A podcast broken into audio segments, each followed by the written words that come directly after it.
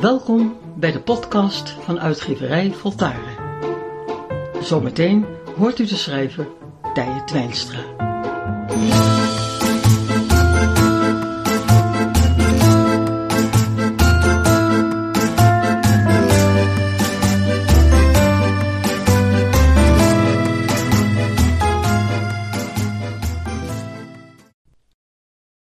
Hoe bescherm je je kind tegenover de buitenwereld?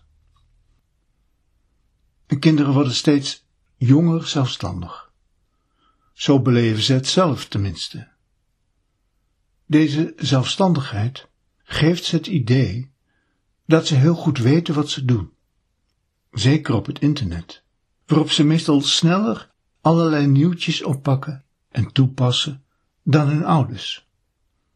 Dit idee van weten wat men doet, maakt hen extra kwetsbaar voor de vele geraffineerde invloeden die via het internet op hen afkomen. Waar je vroeger een geheime hut had, heb je nu een geheim account. Je wilt niet dat je ouders weten wat je daar allemaal bespreekt, met welke mensen je je inlaat. Ouders merken deze geheimzinnigheid en worden ongerust. Met wie gaat mijn kind om op dat onvoorspelbare en ondoorgrondelijke internet? Hoe behoed ik ze voor te impulsieve reacties?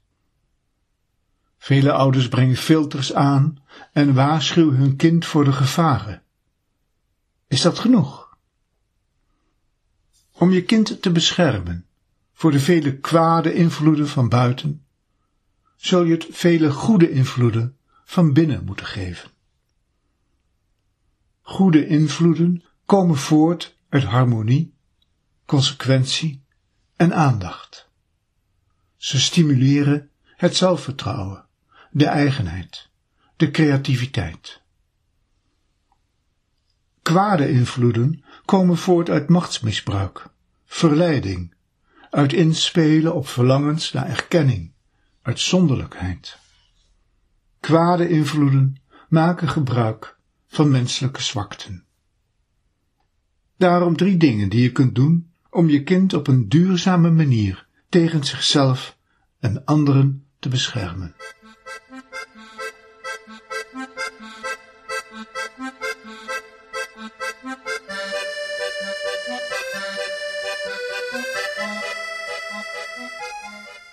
Het eerste wat je als ouder kunt doen, is begrijpen dat verwennen zwak kinderen maakt. Veel ouders verwennen hun kinderen. Ze denken dat ze dat uit liefde doen. Maar verwennen moet iets uitzonderlijks zijn, niet iets wat bijna elke dag of elke week gebeurt. Verwende kinderen worden zwakke mensen gemakkelijk te beïnvloeden, snel vatbaar voor cadeaus en beloften. Begrijp de relatie tussen verwendheid en kwetsbaarheid. Begrijp ook dat je vaak iets geeft omdat je je schuldig voelt ze eigenlijk te weinig aandacht te geven. Cadeautjes leiden af van dit schuldgevoel, maar maken tegelijkertijd de kinderen tot een makkelijke prooi voor anderen. Leer het kind zelfstandigheid aan, door het te stimuleren zoveel mogelijk zelf te doen, waartoe het in staat is al te doen. Kan het al klusjes doen? Laat het deze doen. En niet alleen de klusjes die het leuk vindt, ook de minder leuke klusjes zijn waardevol. Zo leert het zich te vermannen en daarna zich voldaan te voelen dat het gelukt is. Dat is goed voor het zelfvertrouwen.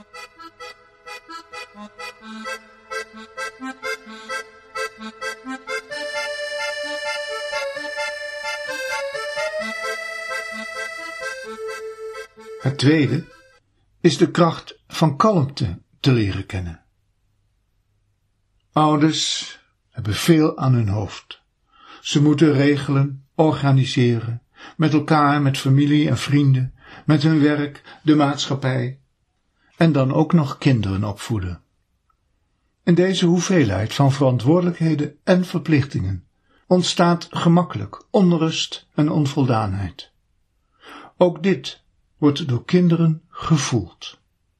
Als jullie geen tijd hebben en alleen maar jagen, wil je ons dan nog zeggen hoe het wel moet? De tijd nemen voor jezelf lukt alleen na een ernstig besluit. Je neemt dit besluit alleen als je echt gemotiveerd bent.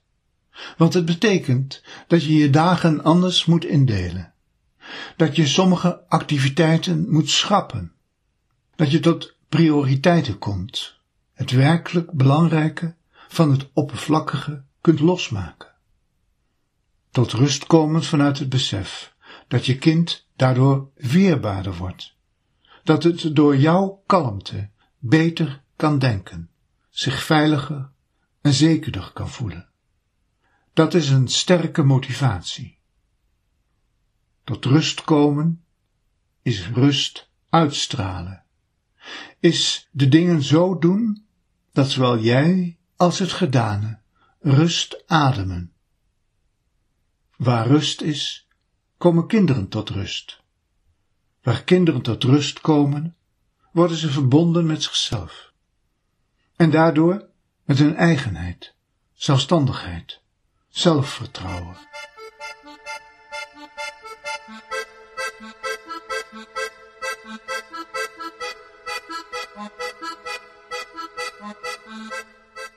En ten derde, openheid. Vertel wat je is opgevallen. Leer je kinderen praten, zich uit te drukken. Maak er een vast ritueel van. Geef ze regelmatig de gelegenheid met een onderwerp te komen, waarover bijvoorbeeld onder het eten gepraat kan worden. Leer ze communiceren, zich te uiten hoe ze zich voelen, hoe ze hun gevoelens moeten verwoorden, zodat een ander hen begrijpt. Het is hierdoor dat ze zich leren te openen. Vele ouders moeten nog leren om over zichzelf te praten. Daarentegen weten velen heel goed hoe hun kind het zou moeten doen. Hierdoor ontstaat de bemoeizuchtige ouder. Deze denkt, als ik er maar bovenop zit, komt het goed. Het tegendeel is meestal waar, omdat een kind zich in het nauw gedreven voelt en zich gaat afsluiten. Het gevolg van een eenzijdig contact, voortkomend uit overheersing, in plaats van uit aandacht en gelijkwaardigheid. Als je zelf moeilijk praat over je gevoelens, dan werk eraan, oefen je erin. Begrijp dat je of aandacht geeft omdat je zelf open kunt zijn, of de bemoeizuchtige bent, die de eigen wil wil opleggen. Zo zijn er drie dingen die je als ouder kunt doen. De zelfstandigheid, door je kinderen niet meer te verwennen, maar ze juist verantwoordelijk te maken, opdrachten te geven. De rust, die je als ouder eerst zelf moet beleven, om deze als sfeer te kunnen uitstralen. En tenslotte de openheid, waarin je zowel zelf als het kind stimuleert te vertellen wat er in je omgaat, opdat wat binnen is naar buiten kan komen, om daar te inspireren, vorm te krijgen en waar te maken. Het is deze gelaagdheid van invloeden die je kind weerbaar maken tegenover de buitenwereld. Maar besef ook, alleen door je dagelijkse inzet ben je in staat ze over te brengen op je kind. Altijd ben je als ouder de eerste die iets veroorzaakt en je kind de eerste die dit opmerkt.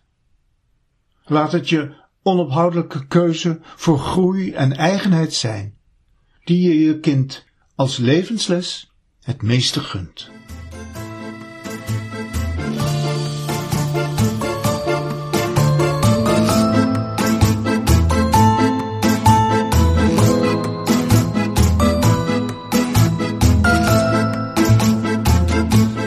Goed en al maar beter.